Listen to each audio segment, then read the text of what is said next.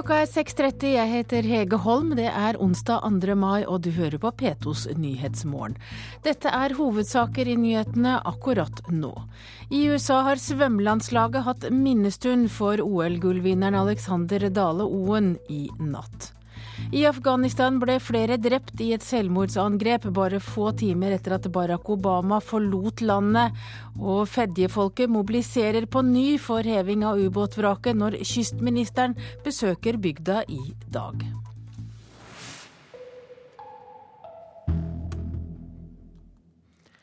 Da skal vi til USA, og vi skal snakke om den 26 år gamle OL-gullvinneren Alexander Dale Oen, som da døde brått i går.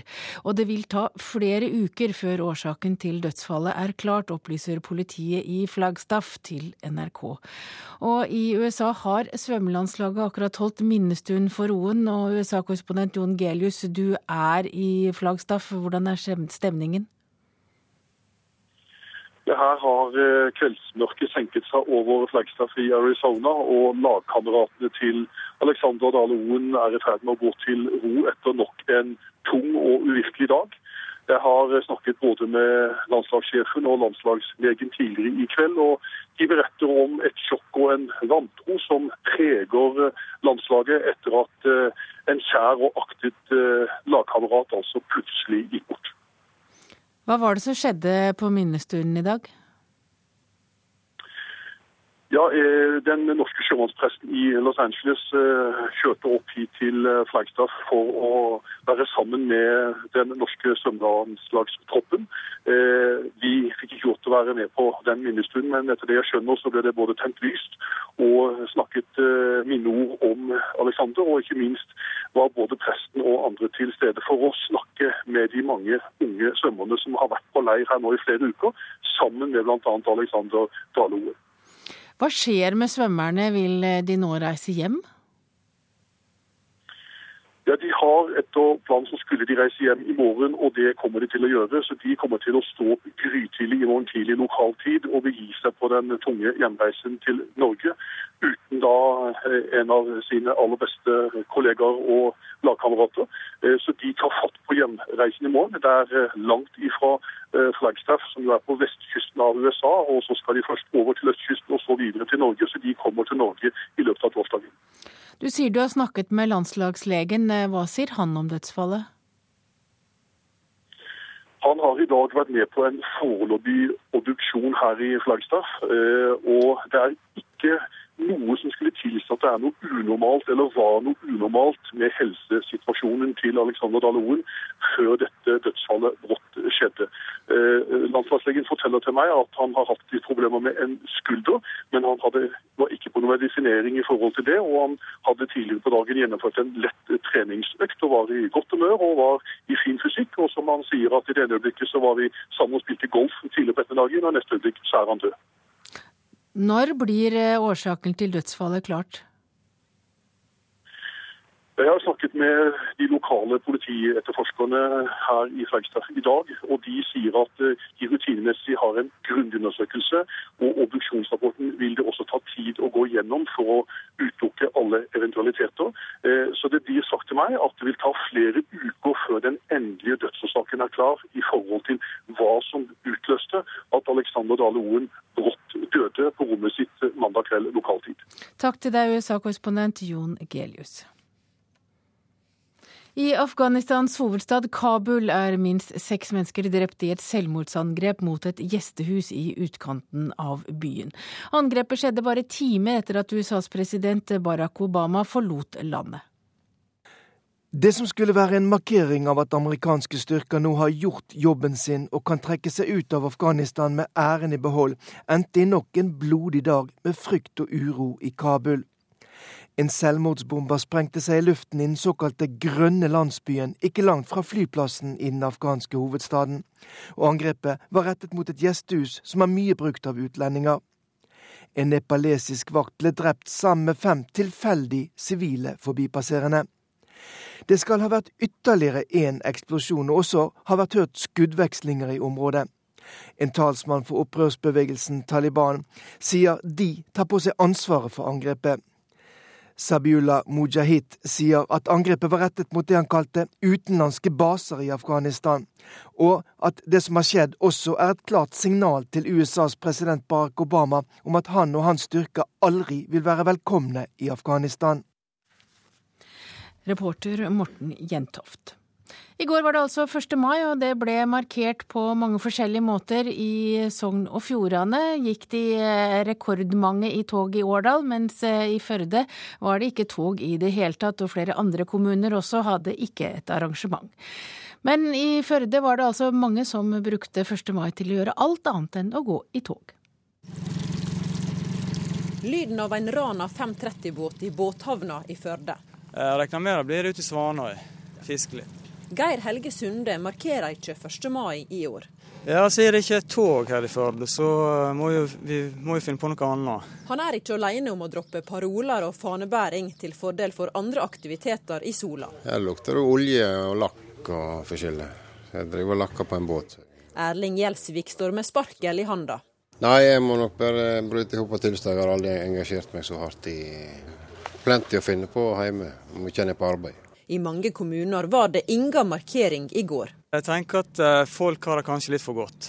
Steinar Dregni, leder i Øvre Årdal Arbeiderlag, kunne ikke vært mer usamd. Det kryr jo argumenter for å gå ut i gatene og, og slåss på den dagen her. Godt over 1000 mennesker gikk i tog i Årdal. Sjelden flotte paroler. Trygg styring er jo hovedparolen da. Rett til heltid. Invester i Årdal nå. Gi ungdommen sjans sjanse til bolig. Det var kolossalt med paroler og folkeliv. Også i Høyanger var oppmøtet stort, i sterk kontrast til Førde, Hyllestad, Selje og flere andre plasser. Sol fra skyfri himmel er inga unnskyldning, mener Dregni. Da er det bare å se på værmeldingen at det kommer mange dager med fint vær nå. Denne ene dagen den er hellig, og det burde flere ja, tenke litt på, rett og slett. Altså, det er den muligheten vi har til å kjempe litt. Grann. Ja, sjefredaktør i Dagsavisen Arne Strand, du var på Jungstorget i går eh, i Oslo. Hvordan vil du beskrive stemningen der? Ja, Der var det en masse mennesker. Det har ikke vært så mange folk 1. mai på Jungstorget siden 1990-tallet. Og grunnen til det er helt sikkert at 22. Eh, juli fikk mange til å, til å møte fram.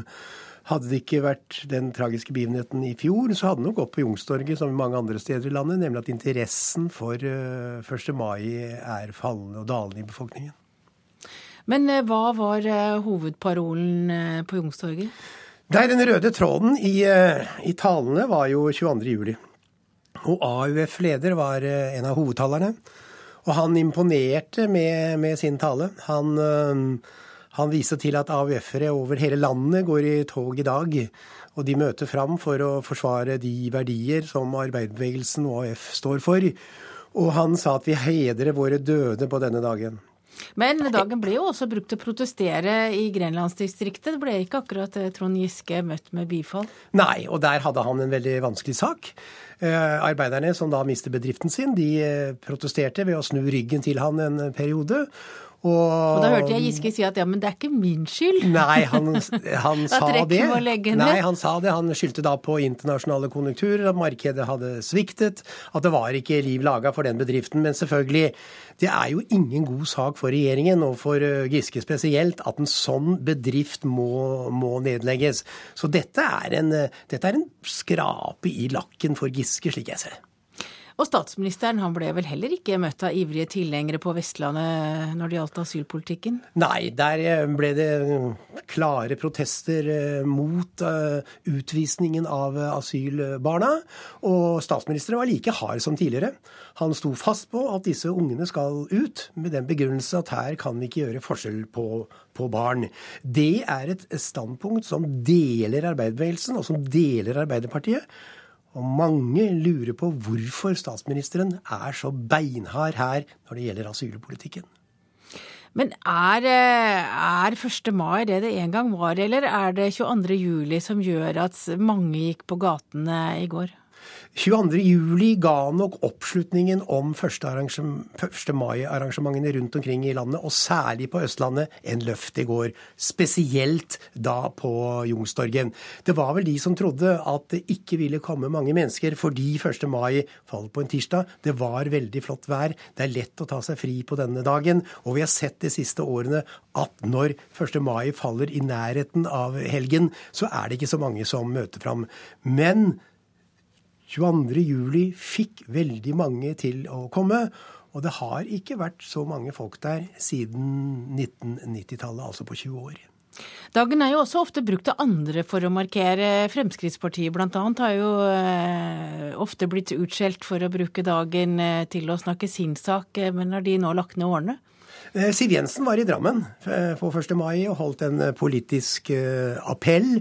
Og der har jo Fremskrittspartiet et fotfeste, så det blir nok som en politisk markering. Greit nok for henne. Men dette er jo arbeiderbevegelsens dag. Og alle forsøk fra borgerlige partier på å ta den dagen fra arbeiderbevegelsen, det har ikke lyktes noen gang tidligere. Og ikke nå heller. Takk til deg, sjefredaktør i Dagsavisen, Arne Strand. Kystministeren vet hva vi skal si, men vi sier det igjen. Det sier Lisbeth Stuberg i Folkeaksjonen for heving av ubåtvraket, før kystministeren nå kommer til Fedje i Hordaland i dag. Tross bunkevis med rapporter og årevis med aksjoner, er det ennå ikke sikkert hva som vil skje, og Folkeaksjonen børster nå støv av bannerne nok en gang. Få opp nå! Få opp nå!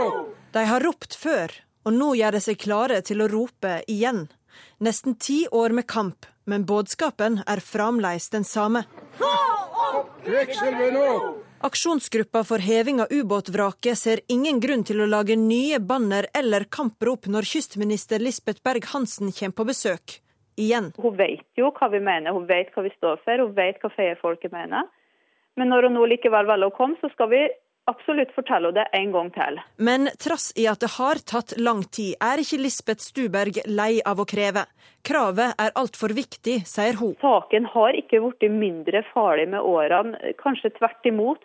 Ting skjer der det ligger på havbunnen og tæres opp og, og, og leker ut i naturen. Derfor så er engasjementet akkurat like sterkt. Ta opp kvikksølvet nå! Ja, det, det er jo fryktelig unødvendig at dette skal ha tatt så lang tid, og at den skal ha gått så mange runder. Er det nå eller aldri, eller kommer det en minister til, tror du? Hvis de nå ikke klarer å, å få avgjør, en avgjørelse i denne saken, her, så mister de all troverdighet. reporter her var Siri Kleiven Strøm. Da har vi kommet fram til dagens ferske aviser, og avisenes forsider er preget av det tragiske dødsfallet til Alexander Dale Oen. Nå gråter vi for deg, Alexander, skriver VG over hele sin forside. I OL-troppen vil det være en utøver som mangler. Den største svømmeren, en av de største idrettsutøverne som Norge noensinne har hatt, døde brått og uventet. Det er ikke til å tro. Det er minneordene som fyller Aftenpostens forside i dag, og Alexander Oen ble altså 26 seks år. Vi er så få her i landet, hver fallen er en bror og en venn. Det er Bergensavisen som siterer Alexander Dale Oens egne ord fra 23. juli. BT har også Oen på hele forsiden. Dagbladet intervjuet Oen i USA for en uke siden, og da var han full av pågangsmot, optimisme, og han fortalte om framtidsplanene. Slik skulle det altså ikke gå. Men det er også andre saker på forsiden i dag. Professor i statsvitenskap Janne Haaland Matlari mener at terrortiltalte Anders Behring Breivik er historisk og politisk uinteressant, og advarer kollegaer mot å kaste bort tiden sin på å analysere massemorderen, skriver Klassekampen. Konstituert sjef i Orkla, Åge Korsvold, sier til Dagens Næringsliv at noe av det første han vil gyve løs på som toppsjef, er bedriftskulturen i Orkla. I dag er det 20 år siden EØS-avtalen ble undertegnet. Siden den gang er tallet på direktiv, retningslinjer og forordninger som binder Norge mer enn tredoblet. Det har blitt veldig mange, sier tidligere KrF-leder Kjell Magne Bondevik til Nasjonen. Forsiden på Adresseavisen er portrettet av artisten Hans Rotemo. På ny plate sjokkerer han med sang om innvandrere, skriver avisen. Fremmedfrykt på avveie, sier en av kritikerne. Og Hurtigrutas hovedkontor bør ligge i Tromsø, ikke i Narvik. Det sier en av hovedaksjonærene i Hurtigruta til avisa Nordlys.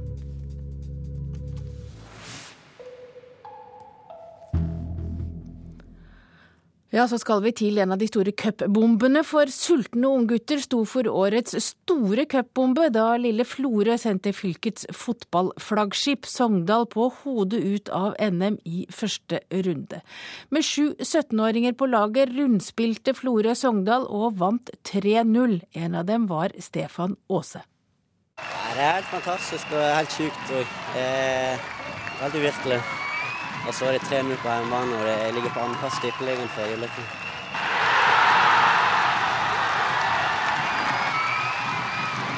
Det var vel i overkant av det vi forventa, men eh, følte vi fikk kampen oppe som vi ville ha når de i andre omganger, og vi fikk kontre de inn. Og, ja, det, var, det er jo en fantastisk innsats guttene legger ned her. Og, det var en rørt og stolt Florø-trener Terje Rongsø som oppsummerte 3-0-sigeren over Sogndal like etter kampslutt i går.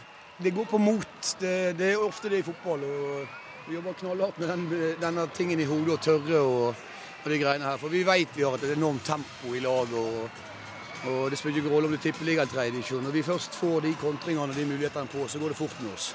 I første serierunde for noen uker siden tapte Florø mot Eid på hjemmebane. Dette samtidig som Sogndal har slått både Odd, Molde og Vålerenga etter en historisk god sesongstart.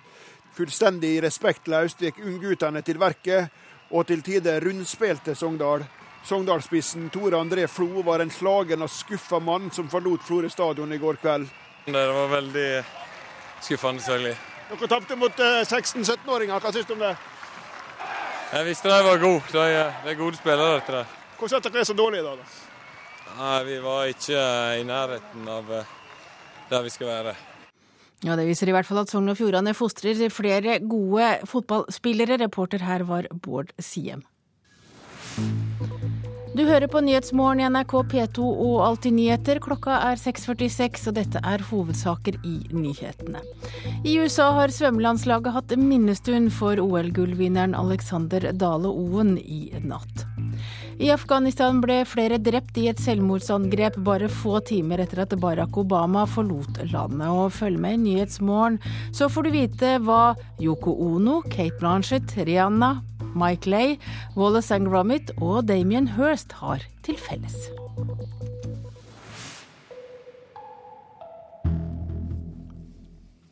Vi må ta hensyn til jordvernet når nye veier bygges, det mener nå fylkesmannen i Sør-Trøndelag. Fylkesmannen vil ha et system der matjorda som blir borte, takseres, og utspillet kommer etter at 1000 dekar matjord kan forsvinne etter omlegging av E6 i Sør-Trøndelag, fordi dette alternativet er billigst. Ny firefelts E6 er under planlegging sørover gjennom jordbruksbygda Melhus i Sør-Trøndelag. Blant flere alternativ for ny trasé har Vegvesenet gått inn for den som i størst grad følger dagens trasé langs elva, og som drar av gårde med mest matjord, nesten 1000 dekar.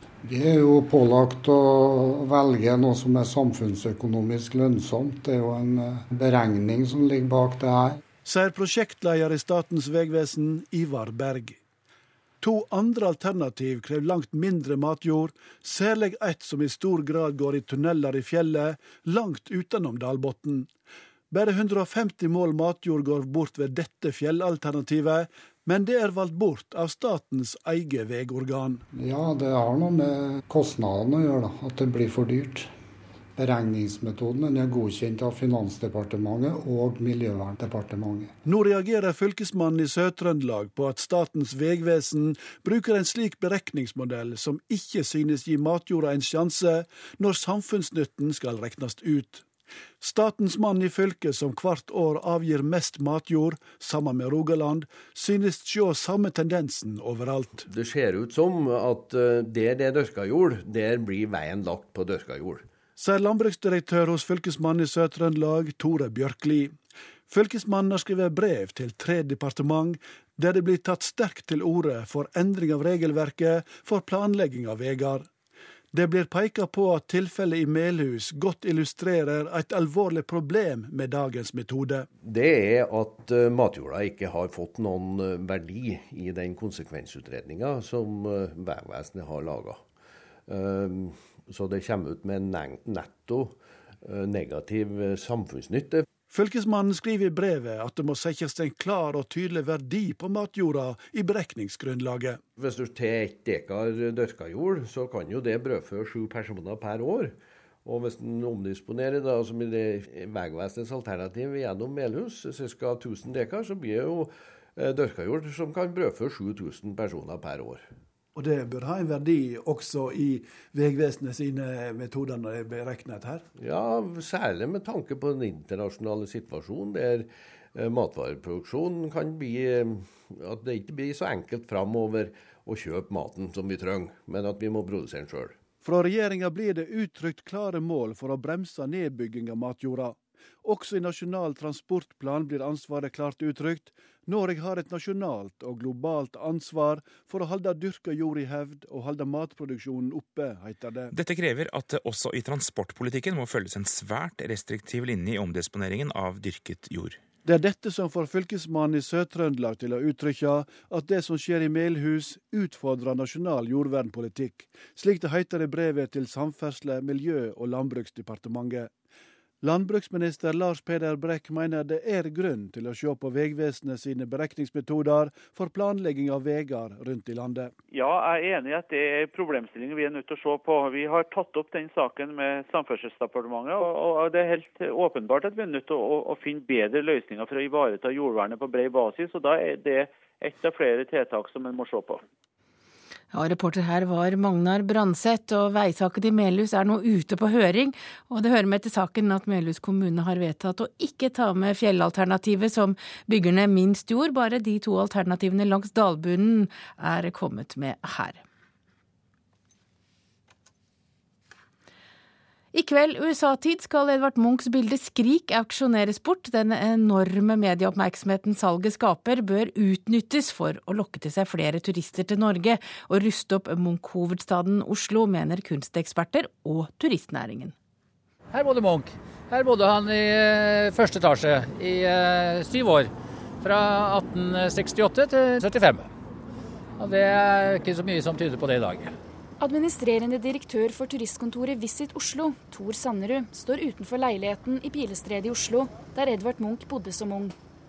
I dag ligger den vegg i vegg med Blitzhuset, og er stengt for folk flest.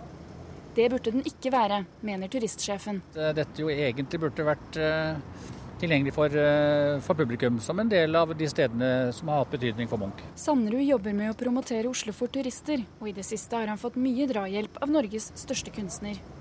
Utenlandsk presse har skrevet om Edvard Munch, både i forbindelse med internasjonale utstillinger og Skrik-auksjonen. Oppmerksomheten rundt Munch vil lokke flere turister til Oslo, tror Sanderud. Men når turistene kommer, bør de bli tilbudt mye mer enn de blir i dag, mener han. Det er jo et potensial som definitivt er utnyttet. Det er mange eh, flotte punkter som er knyttet til Munch. I det hele tatt tenke litt sånn eh, at dette også er en opplevelse. Sier kunsthistoriker Tommy Sørbø. Han ser for seg en Munch-safari i hovedstaden, der publikum kan besøke stedene Munch bodde og malte. Man kunne jo utnytte de gjenstandene, ikke minst leiligheter, der hvor Edvard Munch har bodd, og som han har sterk tilknytning til. Der hvor søsteren døde, der hvor han er vokst opp, motiver han har malt ut gjennom vinduet. Eh, så, så det er egentlig eh, veldig mye vi har, men som er veldig dårlig utnytta. Sørbø og Sanderud mener Munch-museet og Oslo kommune kan gjøre mer for å utnytte den positive oppmerksomheten rundt Munch i forbindelse med Skrik-salget. Oslo kommune kan ta grep, ta føringer for at Munch får en eksponering som eh, er noe mer eh, sterkere enn det det er i dag. Man kan alltid stille spørsmål om man kunne gjort mer, men eh, vi benytter jo denne anledningen til å jobbe med Munchs internasjonale omdømme og markedsføring av Oslo. Det sier kulturbyråd i Oslo, Halstein Bjerke. Det kan nok være litt sent hvis man skulle dratt optimal nytte av auksjonen og den medieoppmerksomheten den har fått, men det er klart det er grenser for hvor fort man klarer å snu seg rundt. Det er planlagt en turistløype i Munchs fotspor til kunstnerens jubileum neste år, sier informasjonssjef ved Munch-museet Sture Portvik. Turistruter, vi jobber jo nå med det i forhold til ja, bl.a. applikasjoner, bøker osv. Et av stoppene på turistruta vil være Ekebergåsen, der Munch fikk inspirasjon til maleriet 'Skrik'. Og til sommeren får publikum slippe inn i atelieret til Munch på Ekely. Men det blir ikke aktuelt å åpne opp kunstnerhjemmene, sier Halstein Bjerke. Det er et forslag som um, bystyret har vurdert og ikke ønsket å gå videre med. Og reporter her var Ida Kvittingen. Hva har Yoko Ono, Kate Blanchett, Rihanna, Mike Lee, Wallace and Gromit og Damon Hirst til felles? Jo, de er alle en del av Londons kulturelle OL-festival i sommer.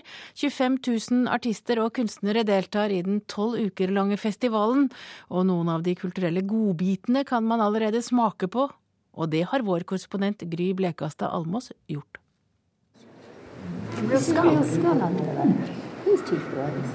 En pulje besøkende på galleriet Tate Modern trenger seg sammen rundt et opplyst monter i midten av et mørkt rom. Er det en virkelig hodeskalle, undrer de. Og det er ikke rart de lurer, for skallen er dekket av til sammen 8601 diamant, med en 52 karats diamant midt i panna.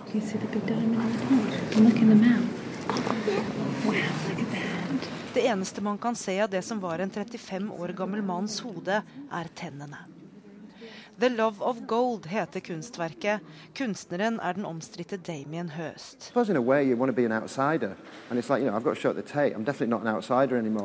Jeg har vel ønsket å være en utenforstående, men med utstillingen på Tate er jeg vel ikke det lenger, sier Hirst til BBC. Men kunsten hans må likevel sies å være spesiell. Maggots hatch inside a white minimal box Lydguiden som akkompagnerer oss gjennom de ulike kunstverkene, forklarer hva det er vi ser inni en enorm glasskube. På gulvet ligger et avkappet kuhode, rundt surrer en mengde fluer. Gulvet er fullt av døde fluer. De får effektivt elektriske støt fra et elektrisk fluepapir i taket. Dette er livssyklusen, fra mark som blir til fluer i skåler på gulvet, via ernæringen fra kuhodet til døden inntreffer og død preger hele utstillingen, som spenner over 24 år av kunstnerens arbeid. You know, man må få folks oppmerksomhet hvis man skal forandre tenkningen deres, sier kunstneren selv. På spørsmål om hvordan han ønsker å endre folks tankemåte, svarer han med å beskrive forskjellen på reklame og kunst. I mean, I, I the same visual language to sell you things you don't need, whereas artists use it to give you things you do need. Utstillingen her er en del av Londons kulturelle OL-festival. Over tolv uker denne sommeren skal til sammen 25 000 kunstnere og artister fra over 200 land sette sitt kulturelle preg på storbyen. Men om alle får samme oppmerksomhet som Damien Hirst, spørs nok. So what's the big deal with Damien Hirst? I have no idea. I think because he's so provo provocative. That's the reason why everybody wants to see him. Because people think, nah, he can't do that, he shouldn't do that, but I want to see it, of course. It's always like that. Ja, alle vil se Hirst fordi han provoserer, sa museumsvakt Caroline Engelhardt. Saken var ved Gry Blekastad Almås. Da har vi kommet fram til et værvarsel i dag, og det gjelder til midnatt. Fjellet i Sør-Norge, der blir det stort sett pent vær, men mer skyet nord for Jotunheimen. Lengst nord mulighet for enkelte sludd- eller snøbyger i ettermiddag. Agder, Telemark og Østlandet i ettermiddag nordvestlig opp til liten kuling på kysten. Vest for Lindesnes stort sett pent vær. Vestlandet sør for Stad fra ettermiddag nordlig opp i frisk bris på kysten. Liten kuling sør i Rogaland. Først på dagen skyet oppholdsvær i ytre strøk strøk i nord. For øvrig stort sett pent vær. Møre og Romsdal for det meste skyet, stort sett oppholdsvær. Fra i ettermiddag nordvest opp i frisk bris. På Nordmøre utrygt for enkelte regnbyger, snøbyger over 500 meter. For øvrig delvis skyet oppholdsvær. Trøndelag fra i formiddag vestlig opp i liten kuling. I kveld regne nordvest og litt minkende regnbyger. Etter hvert snøbyger over ca. 300 meter i ettermiddag. Litt nedbør i sørlige områder. Nordland vestlig liten kuling utsatte steder. I kveld regnet nordvestlig. I Lofoten kan hende perioder med eh, stiv kuling og regnbyger, snøbyger over 200-500 meter. Troms på kysten periodevis sørvestlig liten kuling, litt regn av og til, sludd i høyden. I ettermiddag dreining til nordvestlig liten kuling utsatte steder. Etter hvert sludd eller snøbyger. Finnmark for det meste skyet, litt regn av og til. Snø i høyden, i kveld økning til nordvestlig opp til stiv kuling på kysten i vest. Snøbyger i vest, ellers spredte byger. Og så er det Nordensjøland på Spitsbergen. Der ventes det på vestkysten liten kuling fra nordvest og litt snø. Og dette er altså et værvarsel som gjelder til midnatt.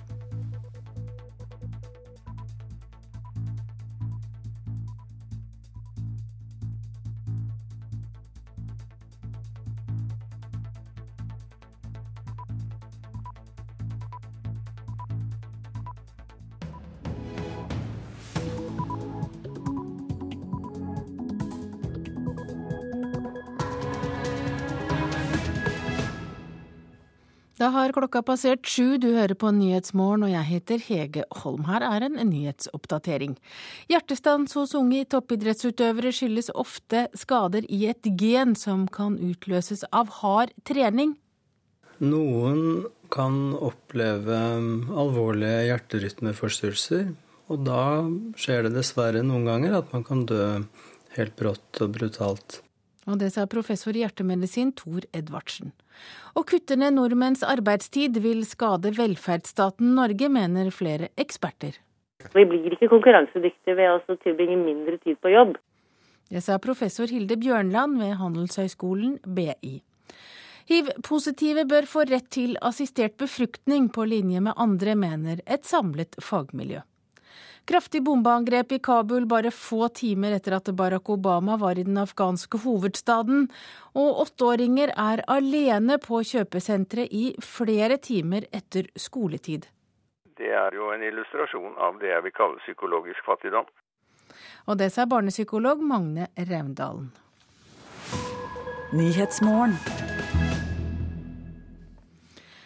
Hjertestans hos unge toppidrettsutøvere skyldes ofte skader i gen som er vanskelig å oppdage. Det sier professor i hjertemedisin Tor Edvardsen. De siste årene har flere unge toppidrettsutøvere fått hjertestans, og i går døde altså svømmeren Alexander Dale Oen, bare 26 år gammel. Alexander Dale Oen sørger for den første norske svømmemedaljen i OL gjennom eh, tidene. Og fantastisk prestasjon av Dale Oen. Han imponerte gang på gang Alexander Dale Oen. I 2008 tok han OL-sølv i Beijing, en av mange medaljer han stolt tok hjem til Norge. I går døde tidenes beste norske symjer av hjertestans. Det samme har skjedd med flere toppidrettsutøvere fra ulike land de siste åra. For mange er det vanskelig å forstå hvordan hjertet kan svikte hos unge, sunne og sterke idrettsfolk. Professor i hjertemedisin Tor Edvardsen sier at årsaka ofte er skader i gen, som kan være arvelige eller plutselig oppstå. Disse skadene kan føre til problem med hjertet. Noen kan oppleve alvorlige hjerterytmeforstyrrelser, og da skjer det dessverre noen ganger at man kan dø helt brått og brutalt. Andre kan få grader av hjertesvikt. Edvardsen forteller at hard trening kan være utløsende. Det blir rett og slett mye større belastning på selve hjertemuskulaturen når man trener fort og mye og intenst. Og, og, og mange av disse sykdommene er dessverre sånn at da blir de forverret. Og dessverre så er det sånn at toppidrettsfolk eh, ofte så har de en mye større påkjenning av hjertet sitt, og derfor så kan de blir lettere syke enn andre som har de samme skadene i genene sine. Det finnes lite kunnskap om disse genskadene, og det er vanskelig å finne ut hvem som har dem og ikke. Vi, vi, må gjøre alt vi kan for i årene fremover til å kunne påvise det på forhånd for å hindre sånt. Men per i dag så er det vanskelig. Ja, og Reporter her var Eirin Årdal, og vi må ha med oss professor og overlege ved hjerteavdelingen på Haukeland, Jan Erik Nordrehaug. Og en kan jo lure på om det virkelig er det farlig å drive med sport i toppklassen? Nei, det er ingenting som uh, tyder på det. Dette er kjernesunne personer som, uh, som driver hardt fysisk arbeid, får vi si. De er jo på en måte på jobb. Og, og det, det, er ingen grunn til å avstå fra å trene eller å drive toppidrett. Men, men nå har vi jo hørt om eh, Dale Oen døde av hjertestans, og det har også andre toppidrettsutøvere gjort. Er det i det hele tatt noe man kan gjøre for å kunne oppdage det i tide? Ja, Det var en del snakk om eh, genfeil i det innslaget. og det, det, er klart Alle vil jo ønske seg å ha en screeningmetode med en, du tar en blodprøve, får kjørt gjennom en, en masse genkonstellasjoner eller genmuligheter som kan ha gått feil, og så får du fasit. Men det er dessverre ikke så enkelt. Vi er, vi er nødt til å påvise sykdom egentlig før vi går løs på, på genene. Så hjertet må nesten stoppe før du kan oppdage at det kan komme til å stoppe? Nei, det, nei da. Vi, eh, det som brukes som screening nå, er i første rekke i alle land som alle er enige om er en risikosamtale, er at eh, de blir gjennomgått og, og, og undersøkt på vanlig måte hos eh, lege med samtale og med fysisk undersøkelse. Når det gjelder videre undersøkelser om dette, f.eks. Er det noe ved hjertet du kan se det på? Ja, det, men i første rekke så er det samtalen som er viktig. Og eh, det vil komme frem der om de har eh, symptomer som ikke de har hatt før, eller om det er noe i slekten deres. Altså da ikke familien, men slekten.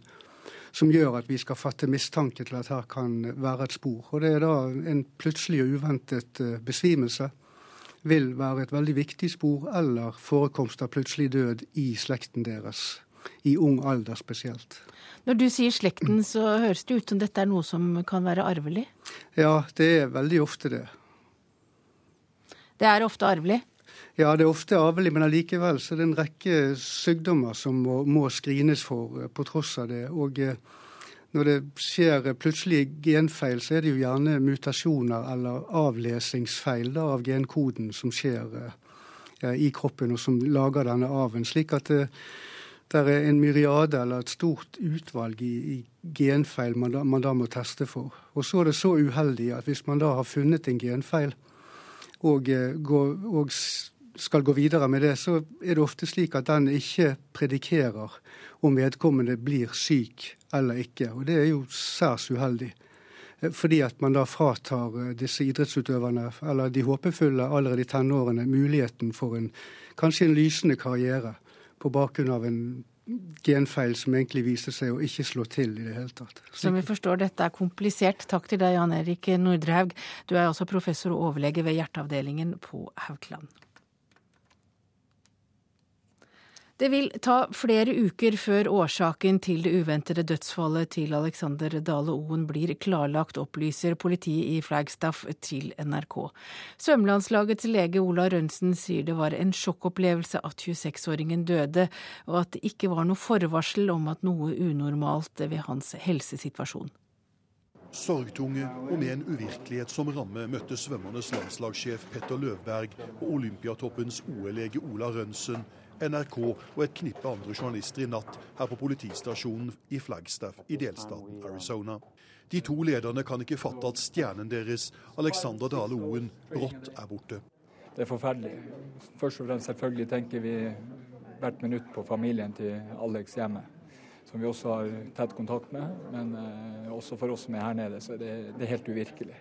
Man kan ikke tenke seg at sånt skjer når man eh, har vært sammen med en utøver som er så frisk og rask, eh, og ser han går på rommet, og så, noen minutter senere, så finner vi han på den måten der. Det, det ble et sjokkopplevelse.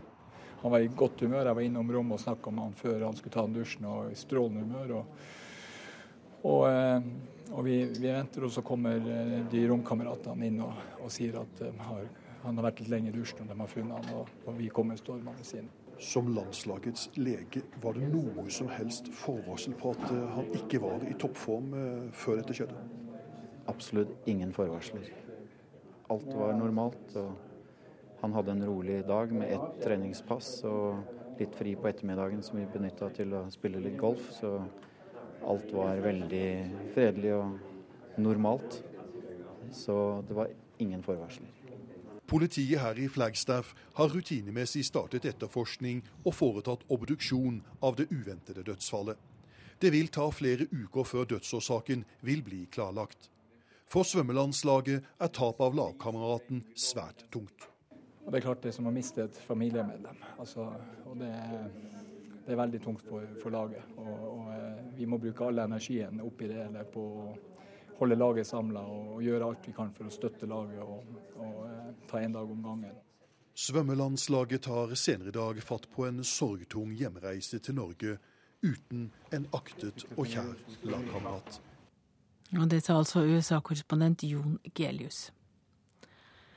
Goder som kutter ned arbeidstiden til norske arbeidstagere vil skade velferdsstaten Norge, mener flere eksperter NRK har snakket med.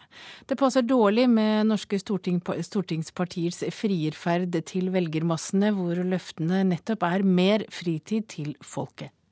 Oljekassa er definitivt ikke utømmelig. Hvis vi nå bruker mer penger, eh, så vil vi få mindre penger eh, senere og mindre skattepenger senere, og da blir det mindre velferd eh, i årene fremover. Økonomiprofessor Steinar Holden ved UiO frykter at norske politikere i sin jakt på nye stemmer vil tilby for mange velferdsgoder til landets befolkning. Goder AS Norge på lang sikt ikke har råd til. Jeg syns nok det er litt skummelt med slike tiltak som innebærer at vi jobber mindre. Forrige helg tegnet og forklarte Kristelig Folkepartis nestleder Dagrun Eriksen sitt nye forslag som skal hjelpe norske småbarnsforeldre ut av tidsklemma. Hvis far går ned 20% i stilling, så vil vi dekke halvparten av det som blir taper i lønn. Med KrFs forslag, som har en beregnet prislapp på opp mot 10 milliarder kroner i året, vil det og andre lignende tiltak som gir Ola og Kari mer fritid, tømme den norske sparekontoen lenge før den bør. Konsekvensene kan bli en dårlig velferdsstat i framtiden. Akkurat nå så ser det godt ut, men eh, fremover så blir det tøffere. Fordi mm, utgiftene kommer til å øke kraftig knyttet til eldrebølgen. Eh, det blir mange svært gamle, og det kommer til å innebære økte utgifter. Vi blir ikke konkurransedyktige ved å tilbringe mindre tid på jobb. Sier en litt oppgitt professor Hilde Bjørnland ved Handelshøyskolen BI. Også hun har lite til overs for politiske lovnader om mer fritid, for det er til slutt arbeid og ikke fri som skaper vekst i Norge i framtiden. Å være mindre på jobb fordi det går bra nå, syns jeg er helt feil signal å sende. Det vi trenger er at de som er i jobb, jobber, og eh, at man motiverer til eh, økt yrkesdeltakelse i norsk økonomi. For vi skal tross alt jobbe i mange år fremover. Vi trenger liksom ikke å skyve folk ut av arbeidslivet nå, syns jeg. Det her må nok eh, politikerne prioritere. Vi har ikke råd til å bruke mer på alt. Det har vi ikke. Og reporter her var Kent Amar Eriksen. Det er neppe samfunnsøkonomisk lønnsomt å bygge superbredbånd i distriktene. Det kommer fram i en ny rapport Vista Analyse har utarbeidet på oppdrag fra Kommunal- og regionaldepartementet. Rapporten slår fast at bredbånd er et grunnleggende behov alle må ha tilgang til, uansett hvor de bor, skriver VG. Fagfolk i helsevesenet mener hiv-positive bør få rett til assistert befruktning. Regjeringen vurderer nå endringer i bioteknologiloven. I Norge er ikke assistert befruktning for hiv-positive lov, og en av grunnene er at smittefaren mellom mor og barn under svangerskapet. Camilla Trøen Tobekk er hiv-positiv, men kan ikke få barn fordi mannen har for dårlig sædkvalitet, og legen hennes vil gjerne hjelpe. Hun er jo kjempepositiv og støtter meg, men hun sier jo det at uh, eh, pga. lovgivningen i Norge, så kan hun jo ikke hjelpe meg noe videre. Så alt hun kan gjøre, er å hjelpe meg her med det som skal tas av blodprøver og sånn her i, i Norge. Og etter det så er døren lukket fra hennes side. Da er vi inne i avdelingen vår. Her lager vi barn. Her ser du statistikken vår fra måned til måned. Så eh, vi lager en 500-600 barn i året her. Så du ser at mars måned, det var et, en, en god måned. Men seksjonsleder ved fertilitetsklinikken på Rikshospitalet, Tom Gunnar Tambo, kan ikke hjelpe Camilla og mannen. Dagens lovgivning utelukker hiv-positive. Men nå mener legene som behandler hiv-positive at lovverket og bioteknologilova som er under evaluering, bør endres. Behandlinga er så god at hiv-positive bør få hjelp til å få barn. Det sier avdelingsoverlege ved Universitetssykehuset i Oslo, Vidar Ormåsen. Det å ha hiv i dag er ikke forbundet med noen eh, økt risiko for barnet f.eks. For i forbindelse med svangerskap og fødsel. Ikke noe økt risiko for helsesituasjonen for mor. Så sant man da følger opp behandlingen, står på medisiner. Og, så det vil jo være naturligvis sånne forutsetninger som ligger under. Og Derfor så syns vi det på en måte er urimelig at denne gruppen ikke skal få et tilbud. Fagmiljøet i Norge og internasjonalt er enige. Ormåsen peker på at flere andre land har tilbud om assistert befruktning til hiv-positive. Generalsekretær i Hiv Norge, Evy Einar Røe, sier at de merker at flere ønsker hjelp. Det er det ingen tvil om eh, at det er. Eh, og vi har eh, i den senere tid hatt flere henvendelser enn vi kanskje har hatt de foregående 20 årene. Og det, det handler jo om at, at hiv berører også kvinner og menn som er i fertil alder og som ønsker barn og ønsker å stifte familie på lik linje som alle andre i befolkningen. I 2004 søkte Rikshospitalet om å få hjelpe et par der en av partene var hiv-positive, men de fikk avslag. Bioteknologinemnda vurderer etiske problemstillinger knytt til den nye lova. Nemnda har gått inn for å hjelpe hiv-positive menn, slik at de unngår å smitte partneren ved å tilrå styresmaktene legger til rette for å vaske sæd. Medan de så langt har meint at risikoen for smitte mellom mor og barn i svangerskap har vært for stor. Leder i nemnda, Lars Ødegård, sier at det er barnets beste som er viktigst. Flertallet i Bioteknologinemnda, og også departementet, da, har ment at det å utsette barnet for en slik risiko, det kan ikke forsvare å etablere et slikt tilbud til foreldrene. Camilla Trøen Tobekk og mannen kan ikke få barn fordi han har for dårlig sædkvalitet. Hun har tenkt mye på det å være hiv-positiv og å få barn. Og Det er jo noe jeg har tenkt nøye over også. At uh, hvordan vil det være å være gravid og ha hiv og vite at det er et barn i magen min. Men jeg vet Altså, det er ikke noe barn i Norge som har blitt født av hiv-positiv mor de siste i hvert fall ti årene. Så lenge mor har gått på medisiner og er under kontroll. Og Helse- og omsorgsdepartementet vurderer nå assistert befruktning til hiv-positive i forbindelse med evalueringen av bioteknologiloven, og reporter var Tone Gullaksen. Og vi har med oss Arild Mæland, du er overlege ved infeksjonsmedisinavdelingen ved Oslo universitetssykehus, og du er eh, hiv-spesialist. Bør man tilrå at hiv-positive får assistert befruktning? Ja, det er i dag ingen grunn til at de ikke skal få det tilbudet som andre personer her i landet får. De vil være friske, og de vil kunne vise god omsorg for barnet, og det er ingen risiko for barnet ved å, å bli befruktet. Og eh, det er heller ikke smittsomhet som gjør at dette skal være umulig å få i gang også her i landet.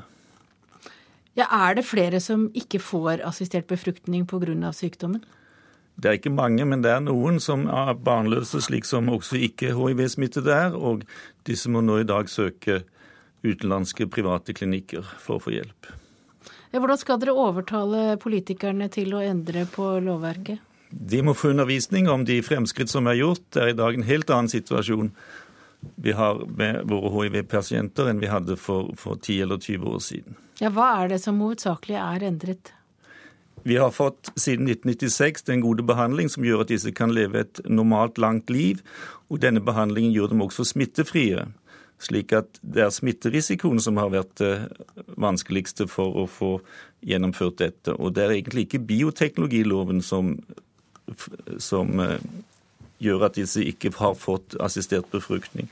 Det er en forskrift som heter nummer 222 fra 2008 om eh, krav til kvalitet og sikkerhet ved håndtering av humane celler og vev. Det er den som egentlig stopper dette i dag. Og det er den som må endres, skal vi få til dette i Norge. Vi... Syns du det er viktig?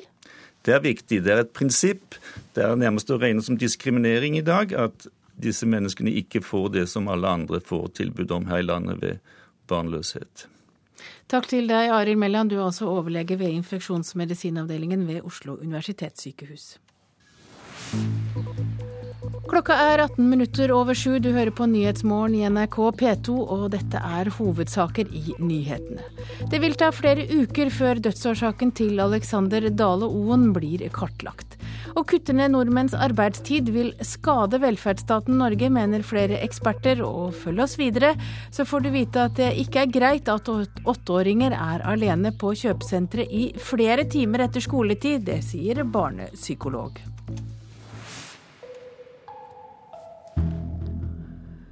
USA og Afghanistan har nå undertegnet en samarbeidsavtale for veien videre når de internasjonale styrkene trekkes ut om to år. USAs president dukket opp i Kabul på uanmeldt besøk i natt, og tiden for krig er over, sa president Barack Obama. I beste sendetid på amerikansk fjernsyn. USAs president taler til en krigstrøtt nasjon fra en militærbase på andre siden av kloden. Ago, our troops launched the operation that killed Osama bin Laden. The goal that I set to defeat Al Qaeda and deny it a chance to rebuild is now within our reach.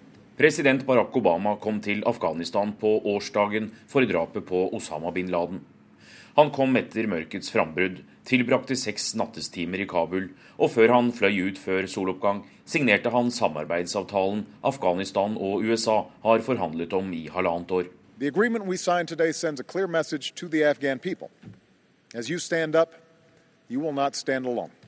De utenlandske soldatene skal formelt trekkes ut i 2014, og ansvaret for sikkerheten overføres nå trinnvis afghanske styrker. Avtalen om strategisk samarbeid president Obama og president Karzai undertegnet i natt, garanterer amerikansk støtte i minst ti år etter at soldatene er trukket ut. USA skal fortsatt trene opp afghanske styrker, kunne utføre antiterroraksjoner og ha militære rådgivere i landet. Omfanget og også andre utenlandske bidrag skal diskuteres på Nato-møtet i Chicago senere denne måneden. And we build an equal partnership between two sovereign states. A future in which war ends and a new chapter begins. Med undertegningen av avtalen har president Obama startet tilbaketrekkingen og avsluttet de to krigene forgjengeren startet.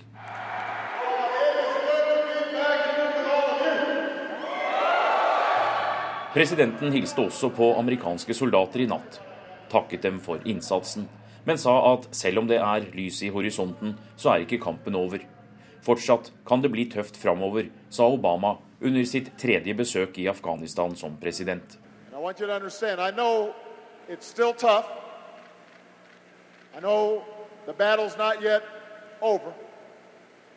Some of your buddies are going to get injured. Ifølge det amerikanske forsvarsdepartementet Pentagon er minst 1800 amerikanske soldater drept i Afghanistan siden invasjonen i 2001. Og meningsmålinger viser at over 60% av amerikanerne er imot tilstedeværelsen i Afghanistan. Anders Tvegård, New York. Ja, bare for å understreke hvor vanskelig det er, så gikk det ikke mange timer etter at Obama forlot Afghanistan, så ble minst seks mennesker drept i et selvmordsangrep mot et gjestehus, som ofte brukes av utenlandske gjester. I Aserbajdsjan går første finale av Eurovision Song Contest av stabelen 22. mai. Syng for demokrati har vært en naiv parole fra de opposisjonelle, sier landets fremste forsvarer av menneskerettighetene til NRK. Han er også formann i Aserbajdsjans union for menneskerettigheter og har sittet fire år i fengsel fram til slutten av mai i fjor. Og Hans-Wilhelm Steinfeld, du er i Baku. Hva sier han mer? Einullah Fatulayev mener nå, og har ment de siste fem måneder, at trusselen fra radikale islamske grupper er mye verre for det sivile samfunn her i um, Aserbajdsjan enn det nokså brutale uh, autoritære regimet under president Ahmed Al Aliyev. Og han mener at nå må kritikk politikken blir mer bevisst omkring eh, den nettopp trusselen mot, eh, mot, det sivile samfunn og det borgerlige samfunn fra radikale islamisters side. Ja, hva sier myndighetene om trusselen fra radikale islamister? I går snakket jeg med presidentens fremste utenrikspolitiske rådgiver Novruz Mamadov, og han sier at iransk etterretningstjeneste jobber intenst gjennom kommersielle strukturer og gjennom et, et, et, muslimske deler av befolkningen her. Husk også at 35 millioner aserbajdsjanere bor i Iran, og dette er et forsøk på å spre iransk innflytelse i Aserbajdsjan. Men hva med trusselen om fengsling av opposisjonelle, som Fatulayajev selv fikk erfare gjennom fire år? Han mener at politistatmetodene er mindre eh, problematiske enn nettopp faren for at det skal komme sharia-domstoler, og at islamister skal begynne å prege lokalsamfunnet rundt i Afghanistan. Hvem er det som har det verst i Aserbajdsjan? I Aserbajdsjan er her én million flyktninger fra enklaven Nagorno-Karabakh som er helt uten rettigheter, og som ble fordrevet under krigen i 1992, da Armenia okkuperte enklaven Nagorno-Karabakh, som ligger mot grensen av Iran. Er Melodi Grand Prix anledningen for et autoritært regime til å drive propaganda for, for sin status? Det er helt åpenbart at nå ønsker Aliyev-regimet her i Aserbajdsjan å vise sitt europeiske ansikt, og blant den yngre del av befolkningen er dette ganske så populært. Slik at det å prøve å bruke Eurovisjonen politisk, som dissidenten opprinnelig prøvde på, det er det Einullah Fatulayev mente var naivt. For dette skal være de unges fest, og det kommer det ved Gud til å bli, for her brukes det enorme penger eh, for å vise hvor, hvor Aserbajdsjan kan flotte seg under denne svære musikkfesten. Takk til deg, korrespondent Hans-Wilhelm Steinfeld. Myanmars opposisjonsleder Rang San Suu Kyi ble tatt i ed som nytt medlem av nasjonalforsamlingen i dag. Suu Kyi har først tenkt å boikotte eden, siden hun ikke ønsket eh, å love å beskytte grunnloven, som gir de militære uforholdsmessig mye makt. Men etter en samtale med FNs generalsekretær Ban Ki-moon tidligere denne uken, ombestemte hun seg.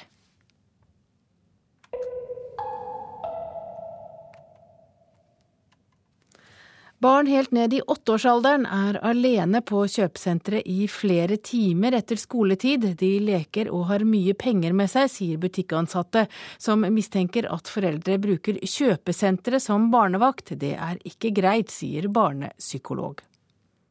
Jeg har tenkt å kjøpe noe klær og sko som jeg kan ha på skolen. Åtte år gamle Dina er sammen med mamma på kjøpesenteret Kvadrat i Sandnes. Andre barn på hennes alder er på senteret helt alene. Det blir jo en stor barneparkering. Tove Aase har jobba på Kvadrat i mer enn et tiår. Hun ser ofte barn sammen med andre barn helt på sjølstyr. Tror du foreldre er klar over at de er her? Ja, det tror jeg. Det er liksom en lettvint løsning, tror jeg. Og liksom, ja, ja, vi stikker til Kvadrat. Ja, helt OK det, liksom. Og det er akseptert. Vi ser jo helt ned i femårsalderen og sånt, men de er nok sikkert ikke alene. Det håper vi i hvert fall. Men det føles mange ganger litt sånn at du, du ser at det der er unger som går her og sviver alene og lurer litt på hvor foreldrene er. Det sier Grete Mæle som jobber på Kvadrat, et senter som ikke er alene om problemet. NRK har snakka med butikkansatte ved flere kjøpesentre i Rogaland, og trenden er den samme der. Det er jo trist å se at de bruker kjøpesenteret som en lekeplass, at de oppholder seg her. Sier Mette Kirkeby, som er senterleder ved Magneten på Ålgård. Når unger ned i åtteårsalderen er her, hva gjør de da? De uh, leker. Jeg har òg sett at de har hatt med seg dokker og, og lekt med inne. Og Hvor lenge kan de være her hver gang? Det kan faktisk være uh, på timevis. Det er jo en illustrasjon av det jeg vil kalle psykologisk fattigdom. Barnepsykolog Magne Raundalen syns ikke det er greit at barn oppholder seg på kjøpesentre uten foreldre flere timer hver dag. Barns utvikling er eh, avhengig av eh, positivt samspill med voksne. Her kan de leve i en egen eh, barneverden som vi ikke har noen kontroll eller innsikt i, og det i seg selv regner jeg som uheldig. Fra seks, syv, åtteårsalderen. Mm. Og de har ikke med seg foreldre? Nei. Det sier Linn Sivertsen, som jobber på kjøpesenteret M44 på Bryne. Flere butikkansatte også her forteller om barn alene på shopping, ofte med mye penger. Mari Kristiansdottir er en av flere som reagerer. Jeg har spurt noen om de er helt alene, for det er noen prøver å kjøpe noe, og de vet ikke helt hvor mye det og det koster, hvor mye penger de har. Og så spør jeg ja, er ikke foreldrene dine her, så, så kan de hjelpe deg med dette her. Og da sier de nei, de er ikke det. Og de er ikke så store. Foreldrene kan gå på shopping, og ungene gjerne går på selvstyre mens, og at foreldrene ikke er på senteret i det hele, og at ungene bare oppholder seg her sier Neleta Lode ved M44. Hun er en av flere butikkansatte som mener foreldre nå bør ta mer ansvar. Spør ungene litt mer, kanskje. Hva har dere gjort i dag, og hva har dere brukt dagen på? Ja, et tips til foreldre med barn som er glad i å gå på kjøpesenter. Reporter var Marte Skodje. Norske ungdommer røyker og drikker mindre og spiser sunnere. Det viser en fersk rapport fra Helsedirektoratet, skriver Dagsavisen. Helsedirektøren mener likevel at noe må skje dersom de skal fortsette og fortsatt være sunne. Bjørn Inge Larsen mener det bør bli mer gym i skolen, og generelt bli lagt mer til rette for at unge skal drive fysisk aktivitet. Du hører på Nyhetsmorgen i NRK P2, og i den neste halvtimen der får du Dagsnytt. Etter Dagsnytt skal vi til Cuba, der situasjonen er blitt verre for opposisjonelle i landet. Politisk kvarter, der skal det bl.a. handle om tigging. I studio under Nyhetsmorgen Hege Holm, produsent Elin Pettersen.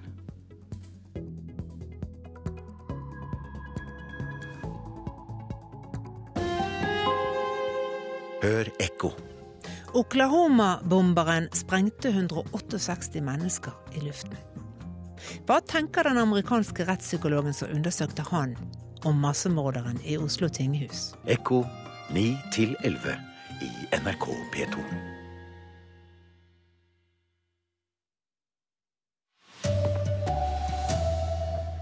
Svømmelandslaget holdt minnegudstjeneste for Alexander Dale Oen i natt. Nå reiser de hjem tidligere enn planlagt.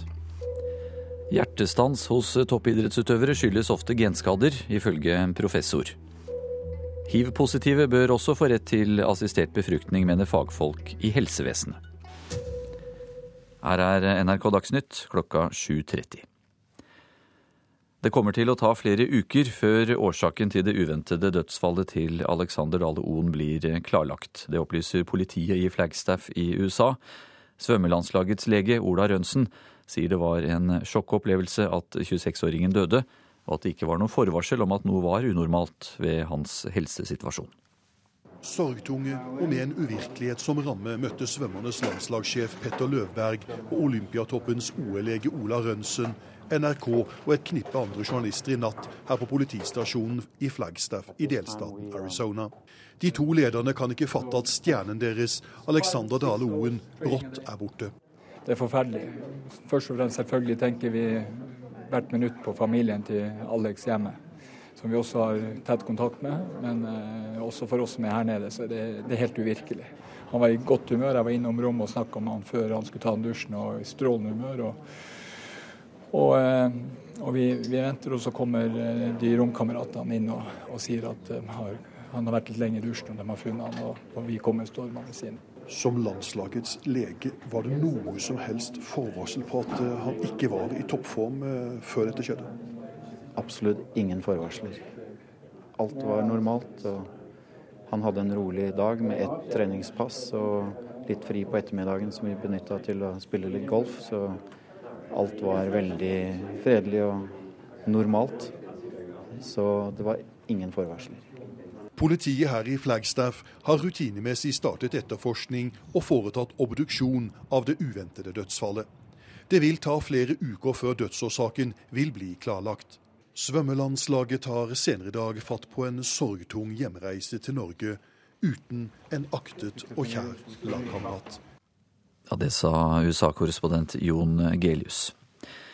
Hjertestans hos unge toppidrettsutøvere skyldes ofte genskader som er vanskelig å oppdage. Det sier professor i hjertemedisin Tor Edvardsen. De siste åra har flere unge toppidrettsutøvere fått hjertestans. Noen kan oppleve alvorlige hjerterytmeforstyrrelser. Og da skjer det dessverre noen ganger at man kan dø helt brått og brutalt. Andre kan få grader av hjertesvikt. Edvardsen forteller at hard trening kan være utløsende. Det blir rett og slett mye større belastning på selve hjertemuskulaturen når man trener fort og mye og intenst. Og, og, og mange av disse sykdommene er dessverre sånn at da blir de forverret. Det finnes lite kunnskap om disse genskadene, og det er vanskelig å finne ut hvem som har dem og ikke. Vi må gjøre alt vi kan for i årene fremover til å kunne påvise det på forhånd for å hindre sånt. Men per i dag så er det vanskelig. Reporter her, det var Eirin Årdal. Da har vi fått uh, fatt i USA-korrespondent Jon Gelius, uh, for du har i natt uh, norsk tid snakket med folk i svømmelandslaget. Hva skjer i Flagstaff nå? Ja, Her er det snart blitt natt, og alle lagkameratene til Alexander Dale Oen er gått til ro. De skal opp grytidlig morgen tidlig lokal tid for å starte på den tunge hjemreisen til Norge uten en kjær og aktet lagkamerat, som altså brått og uventet døde her borte. Ja, Som vi hørte tidligere i sendingen, så kommer det til å ta lang tid før dødsårsaken endelig er klarlagt. og Hvordan blir dette vurdert i Flagstaff? Jeg har snakket med lokalpoliti i eh, kveld, og de eh, sier at de rutinemessig har gjort de undersøkelser som skal gjøres. Det har også vært foretatt en foreløpig obduksjon i dag, hvor bl.a. også landslagslegen Ola Rønsen var til stede. Og For at man skal være helt sikker på hva denne dødsårsaken er, eh, og hva som utløste dette uventede dødsfallet, så vil det ta flere uker, sier de, før alle analyser og alle prøver er gjennomarbeidet. Så dette vil ta tid før den endelige dødsårsaken er klarlagt. Takk skal du ha, USA-korrespondent Jon Gelius. Til Afghanistan nå, hovedstaden Kabul. Der er minst seks mennesker drept i et selvmordsangrep mot et gjestehus i utkanten av byen. Angrepet skjedde bare timer etter at USAs president Barack Obama var i Kabul. Det som skulle være en markering av at amerikanske styrker nå har gjort jobben sin og kan trekke seg ut av Afghanistan med æren i behold, endte i nok en blodig dag med frykt og uro i Kabul. En selvmordsbomber sprengte seg i luften i den såkalte grønne landsbyen ikke langt fra flyplassen i den afghanske hovedstaden. Og angrepet var rettet mot et gjestehus som er mye brukt av utlendinger. En nepalesisk vakt ble drept sammen med fem tilfeldig sivile forbipasserende. Det skal ha vært ytterligere én eksplosjon, og også har vært hørt skuddvekslinger i området. En talsmann for opprørsbevegelsen Taliban sier de tar på seg ansvaret for angrepet. Sabiullah Mujahid sier at angrepet var rettet mot det han kalte utenlandske baser i Afghanistan, og at det som har skjedd også er et klart signal til USAs president Barack Obama om at han og hans styrker aldri vil være velkomne i Afghanistan. You're in Afghanistan, Americans answered the call to defend their fellow citizens. Barack Obama var i går kveld og i natt på et seks timers overraskende besøk i Kabul, der han bl.a. hadde samtaler med president Hamid Karzai og møtte amerikanske soldater og offiserer. USA skal etter planen dra styrkene ut av Afghanistan innen 2014. Men under besøket i natt ble det undertegnet en avtale om omfattende amerikansk hjelp til Afghanistan også etter dette tidspunktet. Sa utenriksmedarbeider Morten Jentoft. Flere anerkjente økonomieksperter frykter ønsket fra flere politikere om å gi nordmenn mer fritid. For mye fritid betalt av staten kommer til å koste mer enn det smaker. Norge har ikke råd, mener økonomiprofessor Steinar Holden ved Universitetet i Oslo. Oljekassa er definitivt ikke utømmelig. Hvis vi nå bruker mer penger, eh, så vil vi få mindre penger eh, senere og mindre skattepenger senere, og da blir det mindre velferd eh, i årene fremover. Økonomiprofessor Steinar Holden ved UiO frykter at norske politikere i sin jakt på nye stemmer vil tilby for mange velferdsgoder til landets befolkning. Goder AS Norge på lang sikt ikke har råd til. Jeg syns nok det er litt skummelt med slike tiltak som innebærer at vi jobber mindre det. Det her må nok eh, politikerne prioritere. Vi har ikke råd til å bruke mer på alt. Det har vi ikke. Ja, det sa økonomiprofessor Steinar Holden ved Universitetet i Oslo. Reporter det var Kent Amar Eriksen. Bør hiv-positive ha rett til assistert befruktning? Ja, mener fagfolk i helsevesenet. Regjeringen vurderer nå endringer i bioteknologiloven. Legene mener hiv-positive kan få barn uten at det er fare for at barnet blir smittet. På Rikshospitalet står seksjonsleder på fertilitetsklinikken Tom Gunnar Tandbo klar til å ta imot hiv-positive pasienter. Her lager vi barn. Her ser du statistikken vår fra måned til måned. Så eh, vi lager en 500-600 barn i året her. Så du ser at mars måned det var et, en, en god måned. Men han kan ikke hjelpe alle.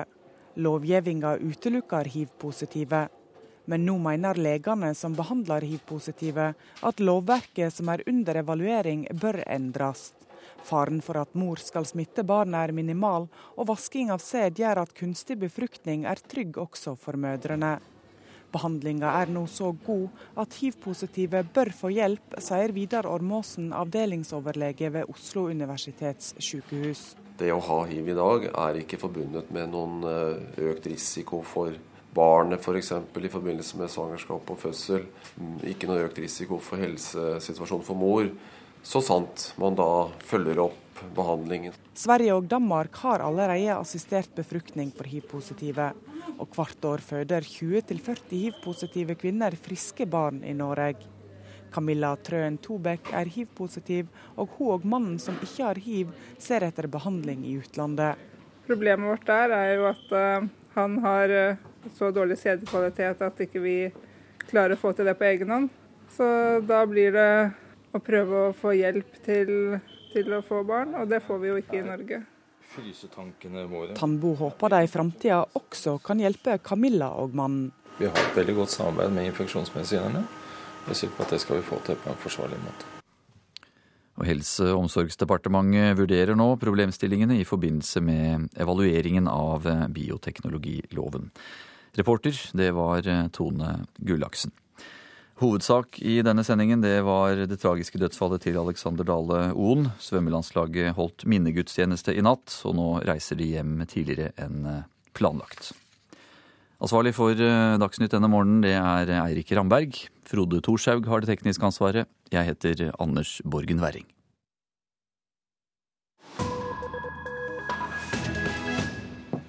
Du hører på P2s Nyhetsmorgen. Klokka er 7.40, og vi skal til Cuba, der situasjonen er blitt verre for opposisjonelle i landet, til tross for økonomiske reformer. Reporter Inge Marit Kolstadbråten har møtt en tidligere samvittighetsfange fra Cuba som nylig besøkte Norge. Jeg ble arrestert i 2003, forteller Regis Iglesias Ramires. En mann med skulderlangt, svart glinsende hår og en kraftig kropp. Jeg møter ham under et besøk i Oslo. Ramires ble arrestert sammen med 74 andre cubanske opposisjonelle i 2003, i det som kalles Den svarte våren.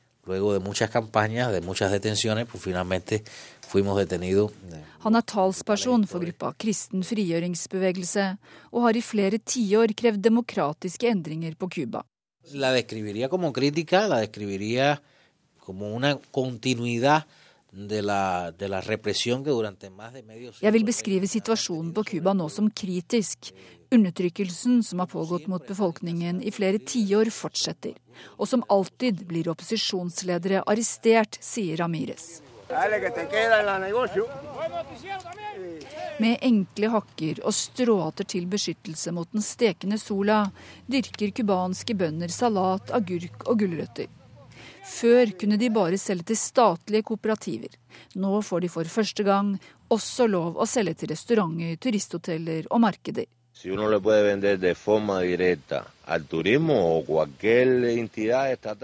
Den nye loven er fantastisk, sier bonden Orlando Quintana. Den nye loven er en av over 300 reformer som president Raúl Castro er i ferd med å innføre. Cubanerne kan også kjøpe og selge biler og leiligheter for første gang siden revolusjonen for over 50 år siden. Men reformene i den økonomiske politikken har ikke gjort situasjonen bedre for de opposisjonelle, ifølge Ramires. Situasjonen har endret seg, men til det verre, sier han. Ingen opposisjonelle døde som følge av myndighetenes forfølgelse de siste årene Fidel Castro styrte Cuba, mens to opposisjonelle har dødd under broren Raúls styre, forteller Amires. Han hevder at familie og barn av regimekritikere også blir trakassert og fengslet. Amnesty International skriver også i sin siste rapport at cubanske myndigheter har økt undertrykkelsen av regimekritikere. Men cubanske myndigheter avviser dette, og får støtte av Cubaforeningen i Norge. Ja, Det er jeg uenig i. Det, det er ikke blitt verre. Det sier Terje Enger, som er leder av foreningen. Dessuten så vil jeg peke på at uh, dissidenter på Cuba nærmest er et, blitt et slags skjellsord, fordi de er betalte agenter for en fiendtlig og fremmed makt, som er USA.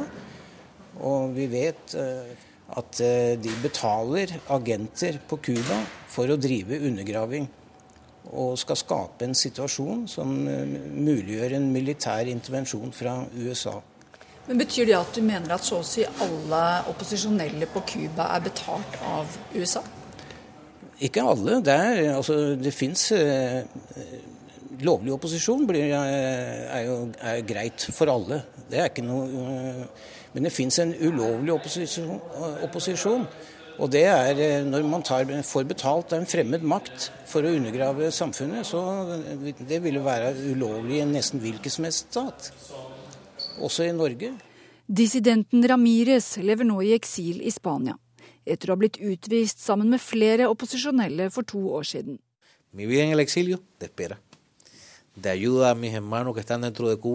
Livet i Spania består i tillegg til å hjelpe brødre og søstre på Cuba av venting.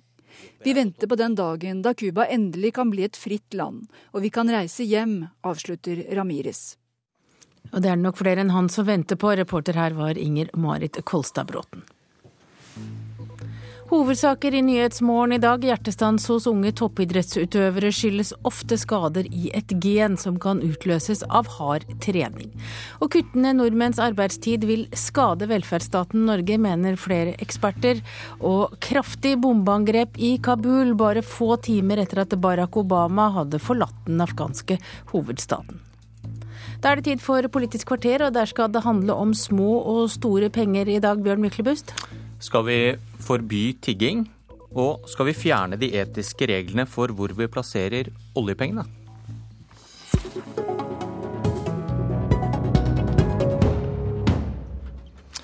Til helgen kan tiggingens framtid i Norge bli avgjort. Frp har allerede sagt nei, og nå skal Høyre bestemme seg på sitt landsmøte. og Derfor har jeg invitert Høyre til debatt mot Høyre. Michael Tetzschner, stortingsrepresentant for Høyre fra Oslo. Gir du til tiggere? Hva sa du? Jeg... Gir du til tiggere, du? Nei, det gjør jeg ikke. Hvorfor ikke? Nei, fordi uh, vi har fått kunnskap om at uh, tigging uh, har sammenheng med andre fenomener som er mye mer alvorlige. Blant annet så er det de samme gruppene som til dels organiserer trafficking. Gjelder det alle tiggere, da? Ja, i hvert fall de som kommer fra utlandet, fordi de er kommet hit ved hjelp av bakmenn. Fordi de i utgangspunktet selv ikke har ressurser til å reise flere tusen kilometer. Så det kan man ta som en ganske sikkert tegn på at det er bakmenn som står bak, høster profitten, og som også bruker eh, tiggepåskuddet som både hvitvasking, det at man kan eh, få ut midler fra Norge som stammer fra andre kilder, f.eks. kriminalitet, og så vet man også at det er sammenheng med narkotrafikk og, og, og menneskehandel, trafficking. Og dette er kunnskap som er eh, relativt ny. Jeg har selv vært på en konferanse i London hvor disse indre sammenhengene ble klar for meg. Og det er en av grunnene til at jeg og tre andre stortingsrepresentanter fra Høyre har foreslått for landsmøtet at vi må regulere tiggingen. Torbjørn Røe Isaksen, også stortingsrepresentant fra Høyre. Gir du til tiggere? Ja, det hender det. Eh, men jeg eh, har noen utvelgelsesprinsipper, så jeg prøver å jeg gir, jeg gir av og til til de som, eh, de som spør om penger, som som har, ja, ser ut som de har et rusproblem eller noe sånt f.eks. Eh, og det er jo ganske mange, det også. Hvis man går opp og ned langs hovedgata, Paradegata i Oslo, så ser man ganske mange som ja, er, ser akkurat like ut som eh, Michael Tetzschner og jeg, som sitter der med et bøyd hode og en kopp og ber ydmykt om noen få kroner. Til narkotika? Ikke, ja, eller mat, eller hva de nå ber om. Altså, men, men, det er klart at mange av disse her har et rusmisbruk, og det er ikke noen endelig løsning eh, på noe som helst måte for en velferdssamfunn at de skal sitte på gata og be om penger. De trenger rusomsorg rusomsorg, mange av de trenger psykiatrisk behandling, de trenger hjelp til å komme tilbake til hverdagslivet. Men det å skulle bruke loven og forby folk å sitte og be om en slant fra sine medmennesker, det syns ikke jeg er en god idé. Hvorfor ikke? Nei, Først og fremst fordi jeg tror vi kan adressere de andre problemene som Michael nevner, på en bedre måte. Vi har lover i dag som gjør at vi kan bortvise aggressive tiggere. Vi eh, skal være knallharde mot menneskehandel. Høyre har jo vært ivrige også på å si at vi må ha flere synlige politifolk i Oslos gater. Alt dette gjør at vi kan regulere og ta bort den tiggingen som har forbindelse med kriminalitet eller, eh, eller noe sånt. Samtidig som man da har, har, rom i en storby for at de av våre medmennesker som trenger en slant og må be om det, de skal ha muligheten til det. Ja, Da tror jeg kanskje du skal lytte litt på erfaringene fra de som, eh, som eh, har sin hverdag i byen, og som bruker byens plasser torv og gater, og, og som uh, føler at dette, og forretningsdrivende også, som føler at dette er eh, ødeleggende for dem. Vi får turistreaksjoner på, som kommer fra andre storbyer, og så ser de hva, hva er dette for noe. Og så er det ikke dette du sier at det høres så koselig ut at det liksom er noen slitne mennesker som ber om en slant, men hvis du går bakenfor ja, også, Koselig har jeg ikke jo, sagt, men, jo, men ja. det, jo, men du impliserer at det er en slags spontanitet over dette, som, som, jeg ikke har noe imot. Jeg har ikke noe imot, og vi kan heller ikke forhindre at en person henvender, henvender seg til en annen. Men det vil være, det vil være forbudt hvis det er tigging nei, med ditt forslag, nei, nei, nei, det er snakk om stasjonær tigging. Det er snakk om den organiserte tiggingen, som er veldig lett å gjenkjenne. Husk at dette er mennesker som knapt vet navnet på hvilken by de tigger i. Men vil ikke de bare tilpasse seg hvis det ikke blir et totalforbud mot Ja, vil... å be andre om penger? Jeg skal si deg Noe av poenget med, med å kunne regulere dette, det er at da har vi en inngrepshjemmel som gjør at det ikke lenger kan påberope seg tre måneders uh, uh, turistopphold. Og dermed så må de øh, returnere mye raskere enn de hadde tenkt. Og da vil kanskje de og deres bakmenn få helt andre kalkyler for å gjøre dette. Og, det, og jeg skjønner ikke hvorfor Oslo skal være dårligere stilt enn København og Stockholm, som er store byer, og som, som ikke ser dette gatebildet på samme utrerte måten som det vi gjør. Men jeg synes, jeg synes altså dette med denne, mange av disse som kommer som er utlendinger, vi kan like godt kalle en spade for en spade. Det vi snakker om er i stor grad da eh, det jeg også er helt enig i, er organiserte tiggerbander som i stor grad kommer fra det tidligere bak jernteppet. Eh, mange, mange fra Romania særlig. Jeg mener at vi har hjemler og muligheter til å gripe inn der.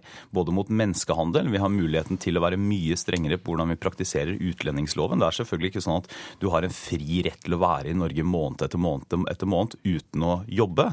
Sånn skal det ikke være. Der har vi muligheten til å slå ned. Problemet Men et med det- forbud vil vel hjelpe, vil ikke ja, det altså, Problemet med et forbud er jo at det gjelder for alle. Og du stiller jo det relevante spørsmålet når du sier da, ikke sant, som, som Michael Tetzschner er enig om, at det kan hende at det er noen noen av våre medmennesker som, som har behov av og til, eller i hvert fall ønsker av og til, å kunne be om en slant fordi de havnet i en vanskelig livssituasjon. Eh, Det vil man også da måtte forby. Eh, Og Da syns jeg det er mye bedre f.eks. å tenke alternativer. Kan vi, kan vi trappe opp politiansatsen mot menneskehandel? Kan vi være strengere på utlendingsloven? Kunne vi hatt f.eks. en sånn registreringsordning for tiggere, som man har forsøkt nå i Oslo, så vidt jeg har registrert også. Eh, I hvert fall har man forsøkt det i andre byer, som har fungert, og som har fått ned da og fått bort noe av den organiserte tigginga. For det første er dette først og fremst et Oslo-problem. Ja, det er ikke Og- riktig. Dette ja. ser du over hele landet, altså. Ja, ja vel. Men da er det desto større grunn til å overveie en eh, regulering. Men det er Oslo i hvert fall jeg kjenner best til, og der er det i hvert fall eh, en dominans av de som kommer for å tigge, som ikke engang vet eh, hvilken by de er i. Som, som busses eller fraktes inn på annen måte. Og det er ikke så enkelt som å si at de, skal stoppes ved grensen, fordi vi har altså fri, fri flyt av folk som vil påberope seg å komme i første omgang som vanlige besøkende, turistbesøkende.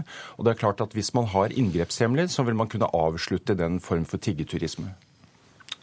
Stillingen er 1-1 her i studio. Vet dere noe om hvordan det vil se ut i landsmøtesalen til helgen? Det er, nok, det er nok veldig vanskelig å si. Men Er det blir jo en av- mindretall? Det, det vet vi ikke. Men, eh, men det jeg tror er at alle, alle i Høyre har jo enige om at vi trenger eh, flere politifolk i gatene. Og vi er enige om at her er det også et problem. Og så tror jeg kanskje Mulig vi kanskje til og med kan klare å bli enige om en form for løsning. Ellers så blir det i hvert fall en eh, spennende politisk debatt da, nå i helga i Oslo. Jeg kjenner mitt parti ganske godt til å vite at de ikke pleier å forveksle liberale holdninger med fravær av regler og orden. Dette er ikke et illiberalt eh, forslag? som du har fått Overhodet ikke. fordi de som er avhengig av å kunne gå trygt og ferdes trygt i byen, det er kanskje også de svakeste gruppene som vi i dag åpner litt for vide dører for. Men samtidig så tror jeg mange vil være skeptiske også til å bruke politiets ressurser på å bortvise en, en norsk tigger som sitter og ber om en tier, istedenfor å bruke det på andre ting. Men da må ting. politiet ha hjemmel for å gjøre det, og det har de ikke i dag. 1-1.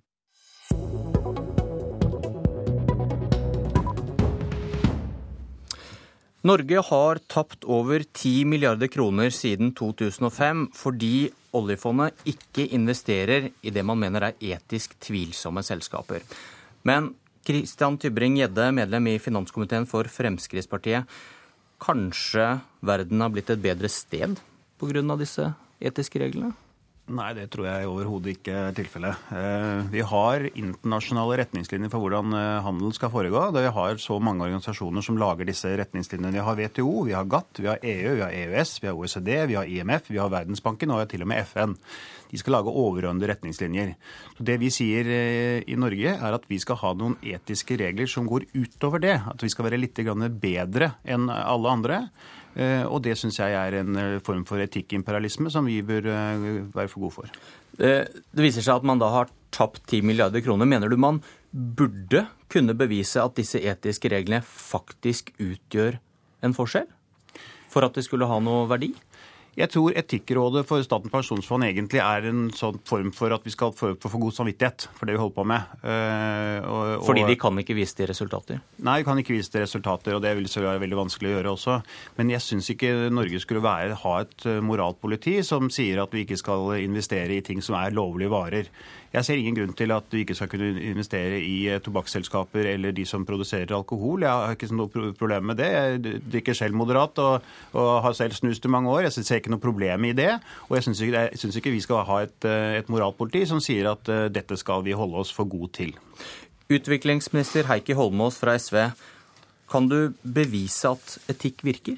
Ja, vi har gode eksempler på at det å drive på en etisk måte virker.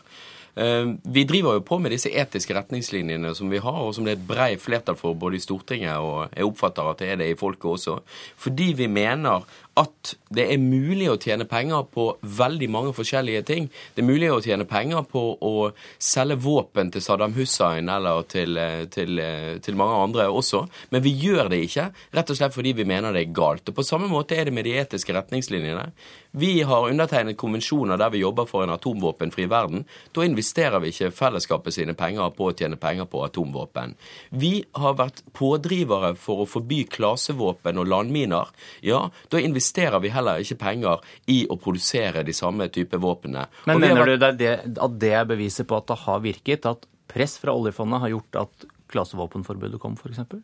Eh, press fra oljefondet har jo kommet parallelt med at vi har fått frem dette her i klasevåpenforbudet internasjonalt. Men det er vanskelig Men, å bevise at etikk virker? At nei, det fører til endring i disse selskapene vi da ikke putte pengene våre i? Nei, vi må ha tro på at det å, det å drive på med etisk, både utelukkelse av de selskapene som ikke driver på med ting som vi mener det er galt å drive på med, virker. For det virker på den måten at når vi eh, og oljefondet, som er verdens nest største pensjonsfond, investerer og sier vi lar være å investere i denne bedriften, så setter det standarden for ganske mange andre fond som også har etiske retningslinjer. I tillegg driver vi på med aktiv eierskapsutøvelse. Eh, og Et eksempel på at, eh, på at vi har jobbet for noe bra, det er når vi jobber mot barnearbeid jeg som utviklingsminister støtter jo opp under f.eks. det at unger skal kunne gå på skole rundt omkring. Men samtidig så, vi, så, er det veldig veldig vanskelig når du har selskaper som investerer og bruker barn som en del av sine ansatte. Og Da har vi jobbet sammen f.eks. Monsanto, som er en stor agribedrift, og, sørget, og de har jobbet målrettet for at færre barn nå jobber i deres bedrifter, og får det vekk. Det gir flere barn på skolen, og det er god utviklingspolitikk. Det er en som sukker tungt her. Ja, jeg må si at det er så mye meningsløst prat fra Heikki Holmås. Første klassevåpen våpenforbudet fikk man pga. internasjonalt press. Det er ingen som er imot det hvis du får til en internasjonal avtale. Da stiller alle på like linje. Nei, det er ikke så, det er ikke så lett å måle Nei, men det stiller alle på like linje. Hvis vi prøver å få til det, så presser vi på internasjonalt plan, og så får vi til et forbud. Det er, det, det, det er et positivt Nå må ikke avbryte meg, Hekki. Eh, og så har du da eh, Lockheed Martin, som man bl.a. har ekskludert. Lockheed Martin, som vi nå skal handle jagerfly for, for, for 100 milliarder dollar, eh, og som har beskyttet oss med sin atomvåpenparaply gjennom paragraf 5 i Nato, hvor det står 'first use' til og med. Nå er den endret, men likevel så er det at atomvåpenparaplyen til Nato som har sikret Norges frihet etter annen verdenskrig. Vi har sluttet oss til den, og det er blant Lockheed Martin som har produsert komponenter til atomvåpen, slik at vi kan få vår sikkerhet. Og så skal vi etterpå kjøpe av dem for 100 milliarder kroner, og så skal vi kalle bedriftens produksjon uetisk. Det er så dobbeltmoralsk at det går an. Jeg skjønner at det er godt for samvittigheten, og så til barnearbeid. Nei, men Kan ikke du bare få høre Holmås sitt svar på det med Lockheed Martin? for er det et paradoks han peker på her? Nei, jeg syns ikke det. Jeg eh, mener at det er riktig at vi ikke skal tjene penger på atomvåpen. Det mener et bredt flertall på Stortinget også. Christian Tybring-Gjedde vil sette grådighet og ønske om mest mulig inntekter foran de etiske hensynene. Det mener vi, og det mener et bredt flertall på Stortinget, er galt. Det er altså sånn at F.eks. klassebombespørsmålet. da, Der har du en internasjonal konvensjon. Den har ikke alle land sluttet seg til, men Norge har sluttet seg til det. Da blir det jo helt riv ruskende galt hvis vi skal være for et internasjonalt forbud mot klasebomber, men samtidig skal vi tjene penger på å investere i selskaper som driver på med klasebombeproduksjon. Men, men det, er, det, er noen, det, er, noen paradokser her. At uh, vi skal ikke investere i miljøskadelige selskaper, men Statoil investerer i oljesand, og oljepenger skal ikke investeres i miljøskadelig virksomhet. Ser du at det er noen vi tar gjerne en diskusjon om hvordan vi skal utvide de etiske retningslinjene. Men det er klart at når vi har, som en av de største tingene vi bruker bistandspenger på, er å sørge for å ivareta regnskog, da ville det også vært galt at vi investerte i selskaper som bidro drastisk til skognedkutting. Og Derfor så trekker vi oss ut av den type selskaper. Ja, men Statoil er et godt eksempel. Statoil er altså grunnlaget for hele oljefondet vårt. Altså, vi, har, en såkalt eh, forurensende industri, som i hvert fall Geike Holmås mener er forurensende industri, som har gitt oss grunnlaget for disse pengene i utgangspunktet. Og så driver vi og lager moralske retningslinjer eller er moralpoliti for alle andre og forteller hva alle andre skal drive med. Og hvis vi går til barnearbeid Det er våre ganske- egne penger som vi velger hvordan vi ja, vi investerer. det er Statoil som har fått- tak i disse pengene gjennom det oljevirksomheten. Og hvis vi går til barnearbeid Hvis det var slik, for det første når du Da må jeg- dere være korte, Ja, når tiden jeg, løper ut her. når jeg vokste, så var det noe som het potetferie i Norge. Da fikk jeg fri på skolen. Det heter i dag høstferie. Da skulle barn jobbe i åkeren for å finne poteter. Og, og andre land er på et helt annet utviklingsnivå. Alternativet er ikke skolegang. Alternativet er ofte barneprostitusjon. Er det da bedre at jo, hvis det er fattigdom, eller at de må ut og finne på taket penger på en annen måte, eller stjele? Foreldrene sier dere skal ut og skaffe penger. vi rekker ikke med mer, våre herrer. Takk for at dere kom til Politisk kvarter. Jeg heter Bjørn Myklebust.